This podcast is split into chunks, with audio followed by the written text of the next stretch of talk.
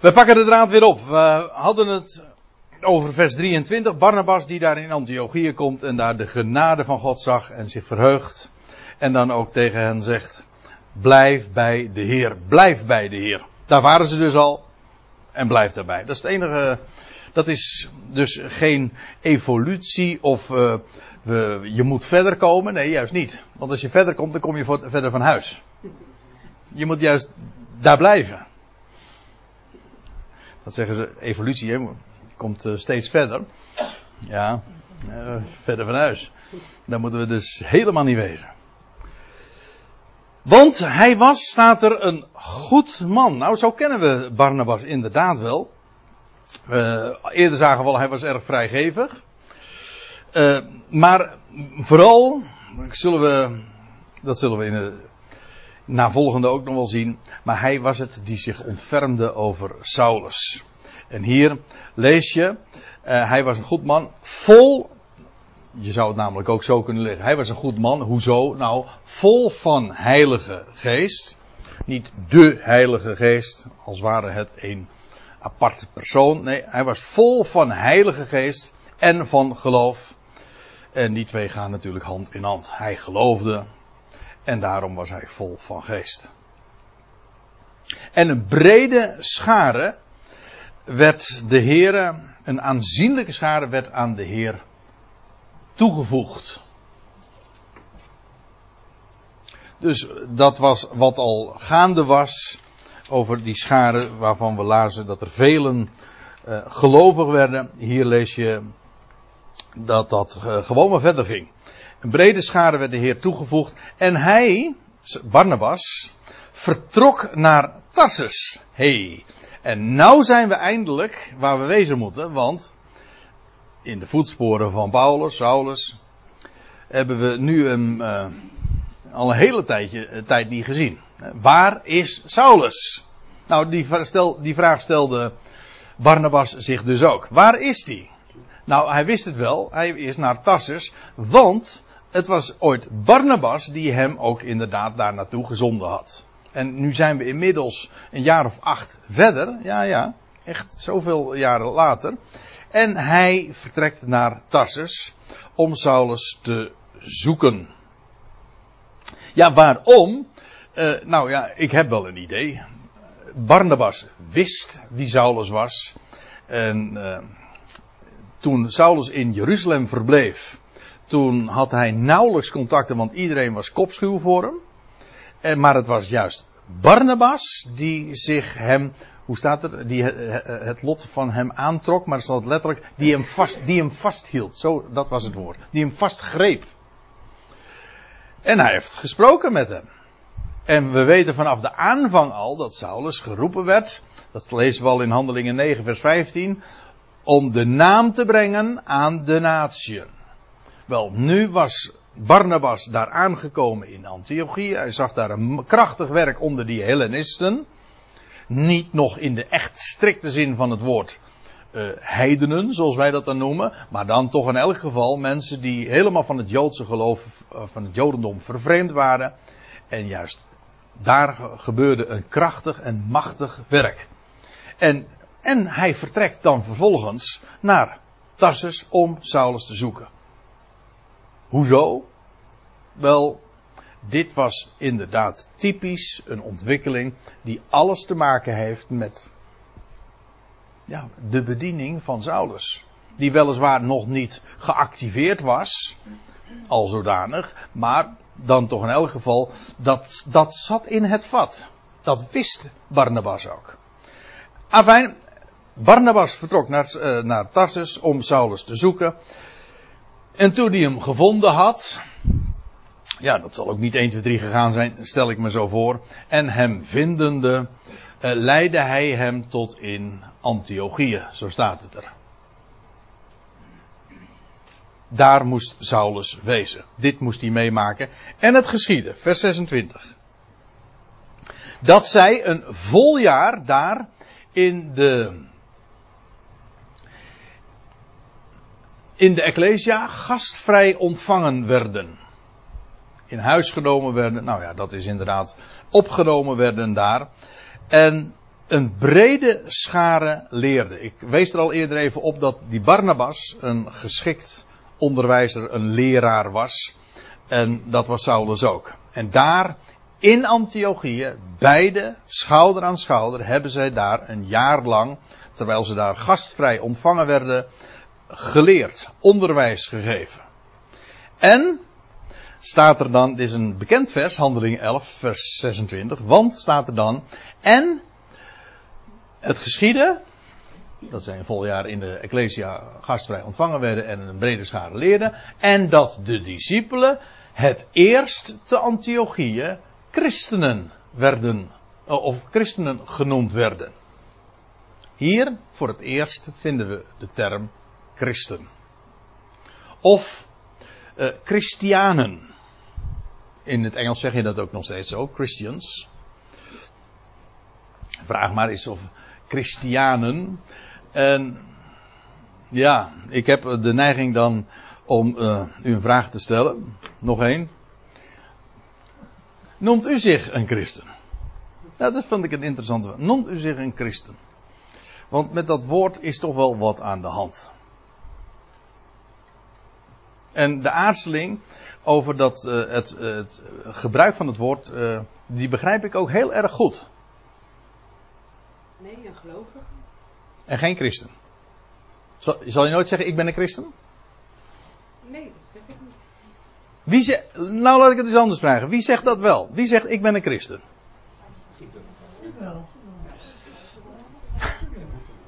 Ik heb er geen moeite mee.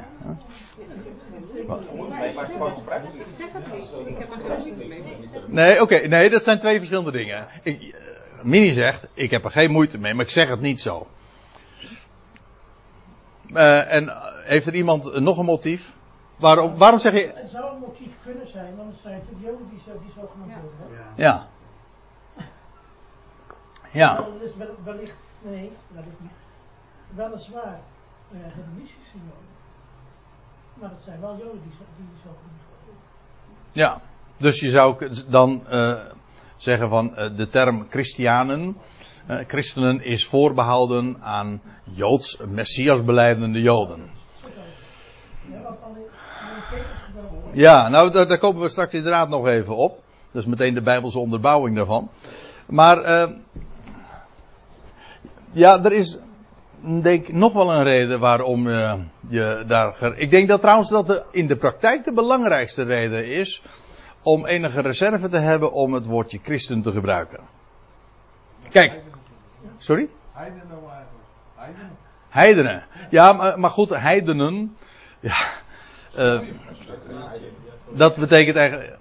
Dat betekent gewoon dat je, bij, dat je niet, geen Jood bent. eh, En tot de natieën behoorde, behoort. Eh, va- vanuit de, de term. eh, ons woord heiden komt trouwens eigenlijk van iemand van de heide. Hm? Maar ja, dat is etymologisch klopt dat. Iemand, een heiden is iemand die eh, de heide bewoont. Dat is eigenlijk buiten, buiten de bewoonde wereld. op de, ergens op de hei, een hutje, weet je wel. Maar, nee, ja, vervallen het. Hè? Meestal wordt er gezegd, ik ben hervormd, gereformeerd, of katholiek. Ja, oké, en dan wordt je naam. Ja. Dat lijkt, dat, dat, eh, dat klinkt ook al niet zo lekker. Ja, precies. Want dan is de naam. Ja, dan eh, de wijze waarop je, je jezelf noemt. En je, je, je noemt je dan naar een, een voorganger. Naar Calvijn bijvoorbeeld. Ik ben een Calvinist. Nou, dat lijkt mij al eh, helemaal een kwalijke zaak. Want dan, eh, dat valt in wezen in dezelfde orde als waar Paulus het over heeft. Dat men zegt van ik ben van Petrus, ik ben van die, ik ben van Apollos. Weet je wel, dan noem je je naar een mens. En feitelijk doe je dat ook als je zegt van ik ben, ik ben van, eh, van Calvijn. Hè? Of eh, je noemt een bepaalde favoriete leerstelling. Hè? Nou is nou heel vroeg in die kerkgeschiedenis, dat moeten we natuurlijk niet onderschatten. hè. Het woord Kyriake is natuurlijk binnengekomen. Van Ja. eerd is, hè, wat dat betekent. Dat Ja, van de kerk. kerk. Ja, het woordje kerk. Kerk is in feite eigenlijk de gemeenschappelijke noemer voor wat dan de christenheid is. het. Ja, het woordje kerk is denk ik nog weer een wat ander verhaal. Want dat, dat is van Curiac, hè? dat van, wat van de Heer is. Maar ja, dan denk je van ja, wat is van de Heer? Dan zeg je, Zo dat- is het, zo is het ook in de derde, vierde ja, de term, ja, in de term, eh, de term vind je niet zo in de Bijbel. In de Bijbel heet dat de Ecclesia, een uitroepsel. Maar dat, als je zegt van ja, dat wat van de Heer is. Kerk, Curiaken, dat betekent eigenlijk dat wat van de Heer is. Maar dan denk ik eh, niet aan een groep mensen. Dan denk ik gewoon eh, eh, meteen heel groot. De aarde is des Heren en haar volheid. Dus dan, dan valt niets daar buiten. Want alles is van hem. Maar over die term christen. Eh, ik denk dat de meeste mensen. eh, tenminste, zo vergaat het eh, mijzelf. voordat ik nu eventjes. even de puntjes op de i zet, op de Bijbelse i zet. maar om eventjes feeling te krijgen met ja, wat de, het gevoelen is van velen. En ik herken dat. dat je soms moeite hebt om te zeggen ik ben christen, omdat je je daarmee feitelijk associeert met, met de christenheid, waarvan je, hè, hypocrisie, maar ook vergeven van allemaal dwaalleer. En dat eigenlijk in de christenheid kent men het, ja, dit is hard woord, maar ik, eh, ik, ik, onder ons zeg ik het wel hier in de voorhof. Eh, kent is men onbekend met het evangelie. En, en predikt men een evangelie waarvan Paulus zegt dat is geen evangelie. En moet ik me associëren met dat gezelschap? Dat is de moeite, tenminste, ik herken dat. Ja, wil ik dat wel? Maar aan de andere kant, je kunt ook weer redeneren. Een christen is letterlijk betekent dat, is het afgeleid van Christus, iemand die van Christus is. Nou, en wat is daarvoor bezwaar? Dus het hangt er nou maar van af welke gedachte je eraan koppelt. Eh, koppel je, associeer je je met de christenheid, dan zeg ik nee, dat doe ik juist niet. Ik neem daar afstand van. Associeer je met hem, de Christus, ja graag, van harte. Maar ik, nou wil ik er nog iets bij zeggen, want ik zal u dit zeggen. In de Bijbel noemde niemand zich christen. Nee, dat is gewoon een vaststelling wat ik nu zeg. Niemand, eh, eh, kijk het maar na, het woord christen of, of eh, meervoud christenen komt maar drie keer voor. Dus dat is niet zo heel vaak.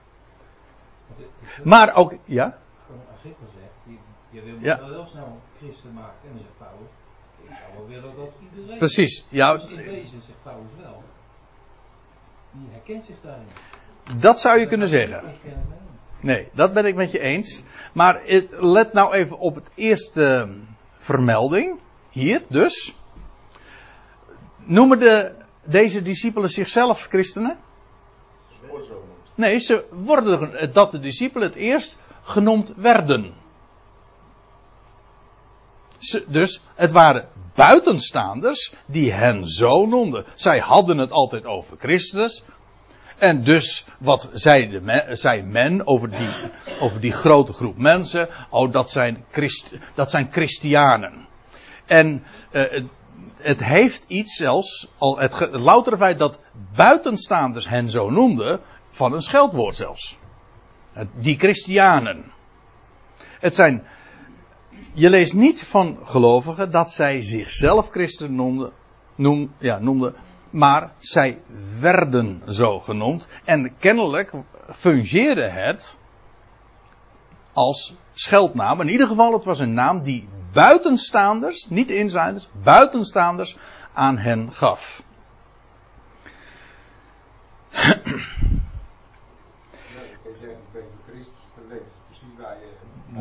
Dat vind ik helemaal sterk. Als ik zeg van ik ben voor Christus, dat is eh, helemaal niet van. eh, dat is niet voor de tweeërlei uitleg vatbaar.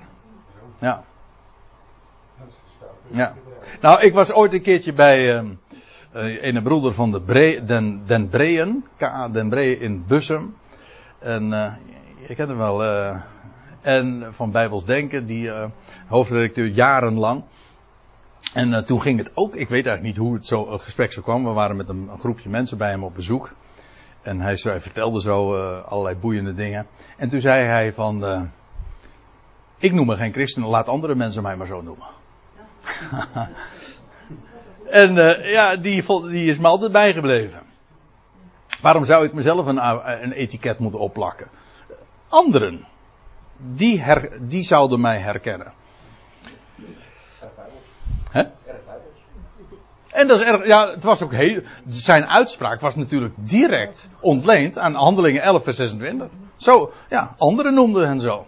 En als ik zeg het was een scheldnaam, ik heb die opvatting ook wel verdedigd gehoord, dat zou kunnen. Strikt genomen hoeft dat niet. Het kan ook gewoon zijn dat de buitenstaanders hen zo noemden zonder dat daar een, een, een, eh, een negatieve klank aan gekoppeld is. Dat kan, dat hoeft niet. Maar er wordt er nog uh, onderbouwd, ook in de Bijbel. U bent Christus. Het zij wel leven, het zij wel sterven. Ja, zeker. Zeker, ja. Heren. Nou, dat is beter voor Christus. Ja. Ja, maar het gaat nu even specifiek om het woord christen. Ja. Ja, nee, dat is absoluut waar. Ik ben, ik ben van Christus. Is Chri- Is Christus dan gedeeld? Ik, er moet trouwens nog iets bij zeggen. Dat is ook wel boeiend. Ik heb daar nu even geen diaatje van. Maar er staat hier te betitelen. Hè, letterlijk, dat ze werden zo genoemd. Maar dit woord, wat altijd gebruikt wordt. En dat is een stuk of 10, 15 keer, wat zal het zijn, Menno? Wordt het meestal vertaald in de MBG met een godspraak.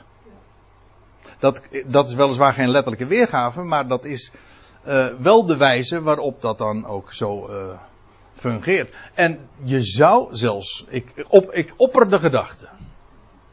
Niet meer, maar ik geef het gewoon ter overweging. Het zou dus kunnen dat het loutere feit dat men die naam gaf aan deze leerlingen, daar in Antiochië voor het eerst, dat daar een goddelijke aanwijzing in gelegen is. En nou kom ik toch weer op, bij, op mijn schoonvader. Dat is altijd een goed idee natuurlijk. Hè? Want die ook, bepaalde mensen moet je te vrienden houden, nietwaar? Eh dat daar namelijk de gedachte in is gelegen. Ook als hebben anderen dat als een, een, een scheldwoord gebruikt. eh, dat het juist ging fungeren als een geuzennaam. Ja, dat, eh, dat is veel vaker het geval. Hè? De Messianen, ja. Ja, dat is het dan. Maar goed, de. Tja. Eh, Met, som, en met andere namen die eh, mensen eh, je geven, ja, daar moet je het soms maar mee doen. Ja, ik bedoel, als een ander je op een bepaalde manier noemt. Een ander zegt, jij bent een alverzoener, hè? Dat vind ik altijd, is trouwens, ik ben er altijd erg blij mee als men dat dan zegt, want dat is altijd een geweldige aanleiding om eventjes eh, de puntjes op de i te zetten. Eh, pardon, er is er maar één, hè? Er is er maar één. Eén alver, en met een hoofdletter, vergis je niet. Ja.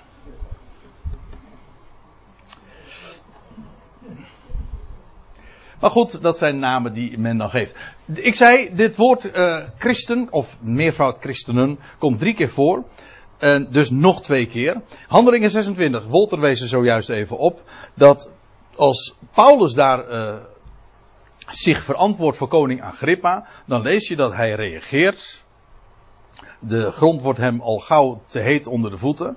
Want Paulus legt hem echt eh, het vuur aan de schenen. En dan, dan reageert Agrippus met deze woorden. Maar Agrippus zei tot Paulus: Gij wilt mij wel spoedig als christen laten optreden.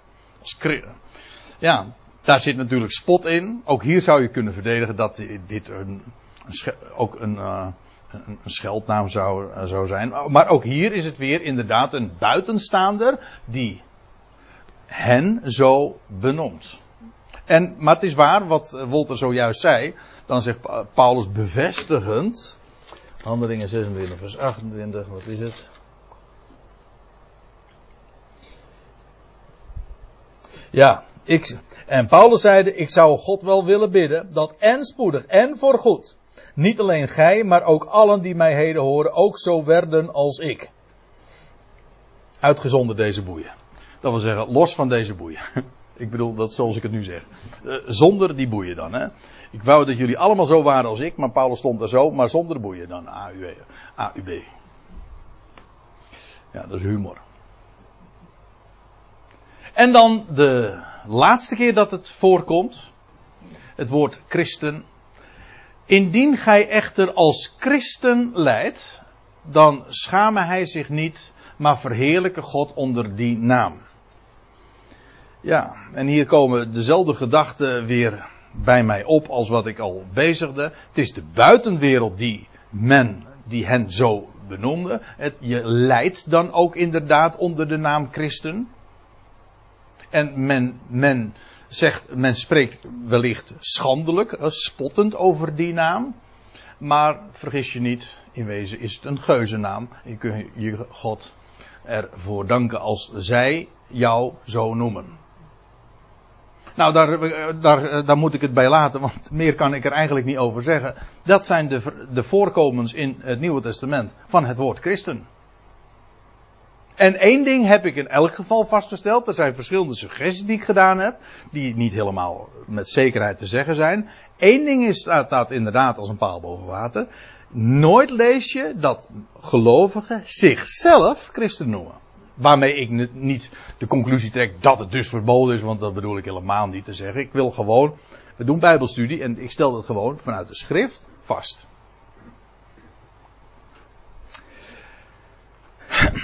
En in die dagen,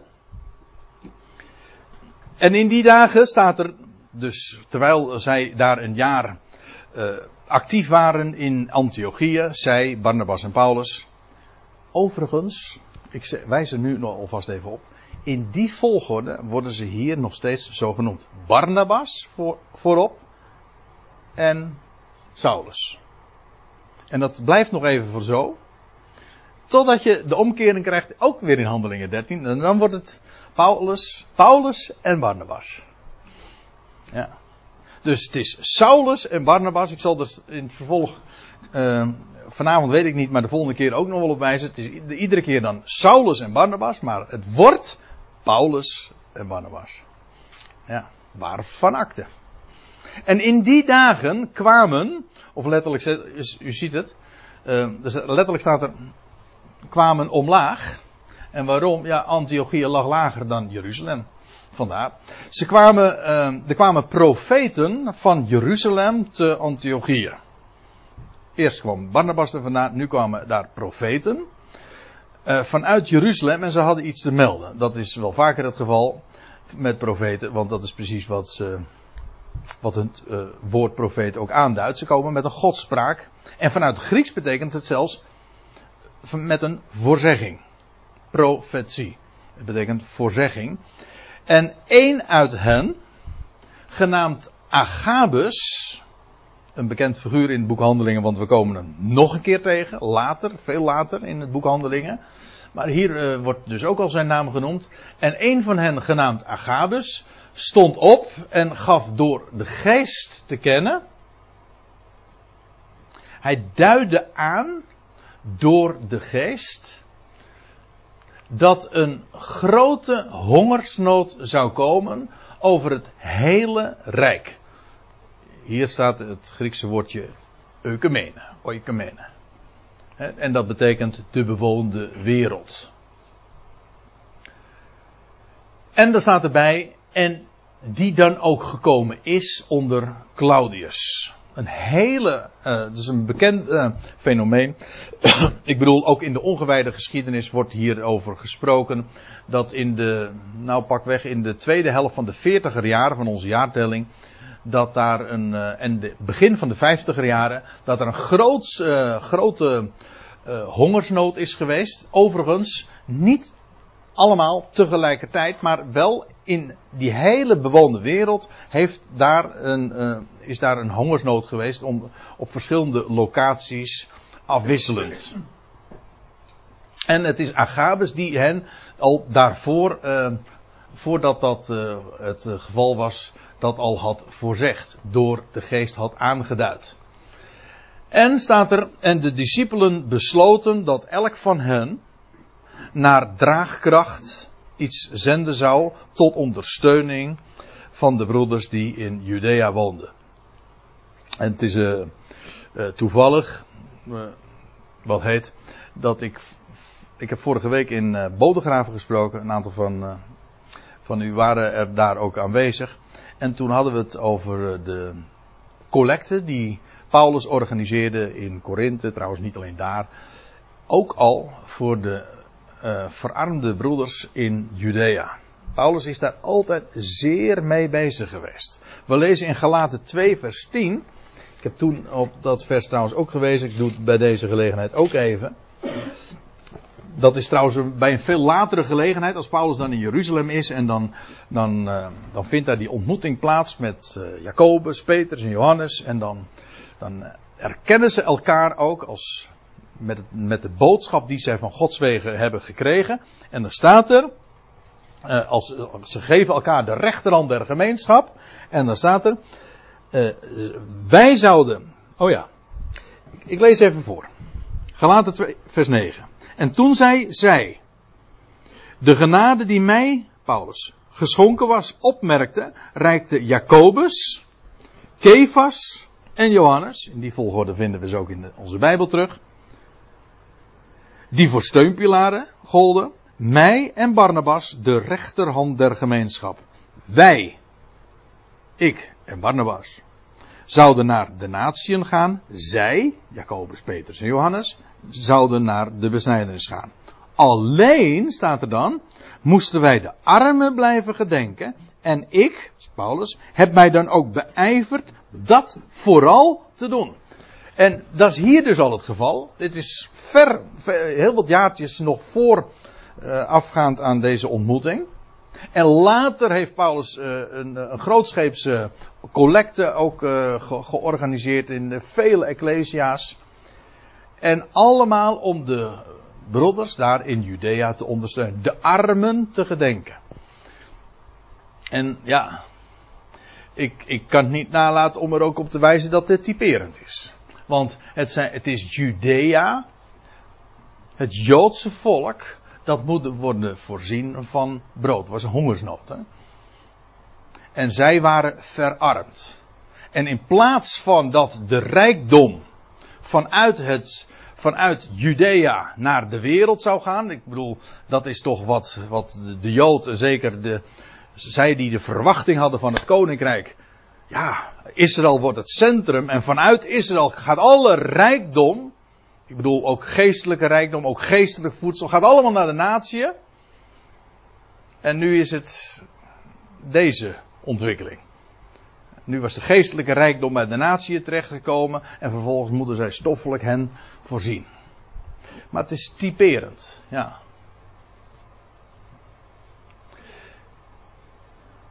En dan staat er. Um, en de discipelen besloten dat elk van hen naar, naar draagkracht iets zenden zou tot ondersteuning van de broeders die in Judea woonden.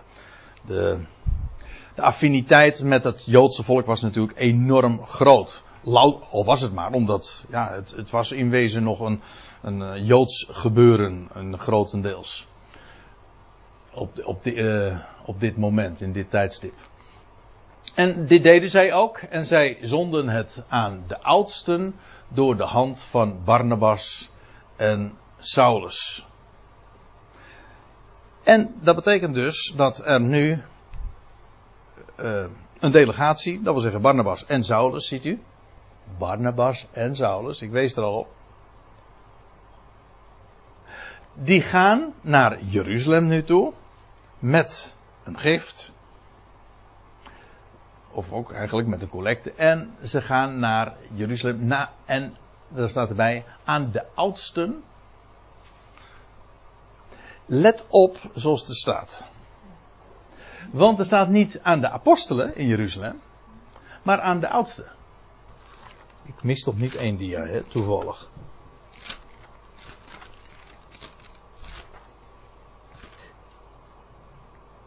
Nee, je, het is trouwens inderdaad nog maar de vraag of uh, Saulus uh, überhaupt in Jeruzalem is gekomen.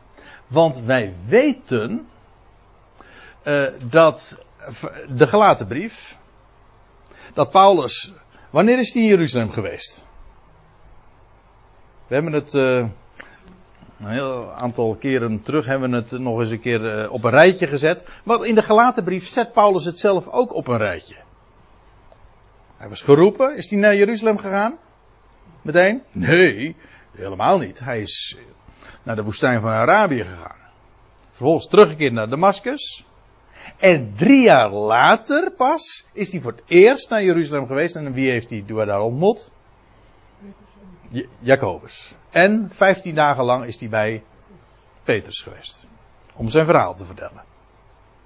En dan, wanneer gaat hij dan weer naar Jeruzalem? Dat is pas veertien jaar later. Gelaten 2 vers 1. Dit bezoek is niet meegeteld. En ja, waarom? Nou, in de eerste plaats, als Paulus hier, Saulus hier al in Jeruzalem is geweest, dan heeft hij in elk geval niet de apostelen ontmoet. Want dan had hij het in de gelaten brief moeten vermelden. Want daar zet hij zijn bezoeken aan Jeruzalem en zijn bezoeken aan de apostelen op een rijtje. Maar het staat er ook heel opmerkelijk, aan de oudsten werd het gezonden. Niet aan de apostelen. Dus dit bezoek is een, eh, een handreiking geweest aan Jeruzalem. Maar eh, het he- er heeft geen ontmoeting plaatsgevonden met de apostelen. En daarom wordt dit bezoek dus ook niet eh, vermeld in de gelaten brief. En als wij inmiddels dus in dit dertigste vers zijn gearriveerd, dan, dan is het tevens het einde van dit, dit hoofdstuk. En pas weer een hoofdstuk later komen we Saulus weer tegen. En dan gaan we hem vervolgens echt ja, op de voet volgen en dan raken, dan raken we hem niet meer kwijt. Nee, dan raken we Paul- eh, Saulus niet meer kwijt. Maar eh, nu in eh, hoofdstuk 12 begint vervolgens, eigenlijk krijg je weer een intermezzo. Er wordt de dood van Jacobus genoemd, de dood van Herodes. En pas aan het, in het laatste vers van hoofdstuk 12, dan lees je dat Saulus inderdaad weer genoemd wordt. En het, staat er in vers 25. En het woord des Heren wies en verbreidde zich. Barnabas nu en Saulus keerden terug uit Jeruzalem na. Oh, kijk, wacht even. Dus eh, ze keerden terug uit, uit Jeruzalem. Dus hij is inderdaad toch wel degelijk in Jeruzalem geweest. Maar geen ontmoeting dus met de apostelen. Ja. Eh, na hun liefdediensten hebben volbracht en namen ook Johannes meegenaamd Marcus. Nou ja, daar gaan, pakken we de volgende keer gewoon de draad op en slaan dus weer een hoofdstuk over in het relaas van Lucas. Maar daarover de volgende keer meer. Zullen we het hier dan voor vanavond bij laten?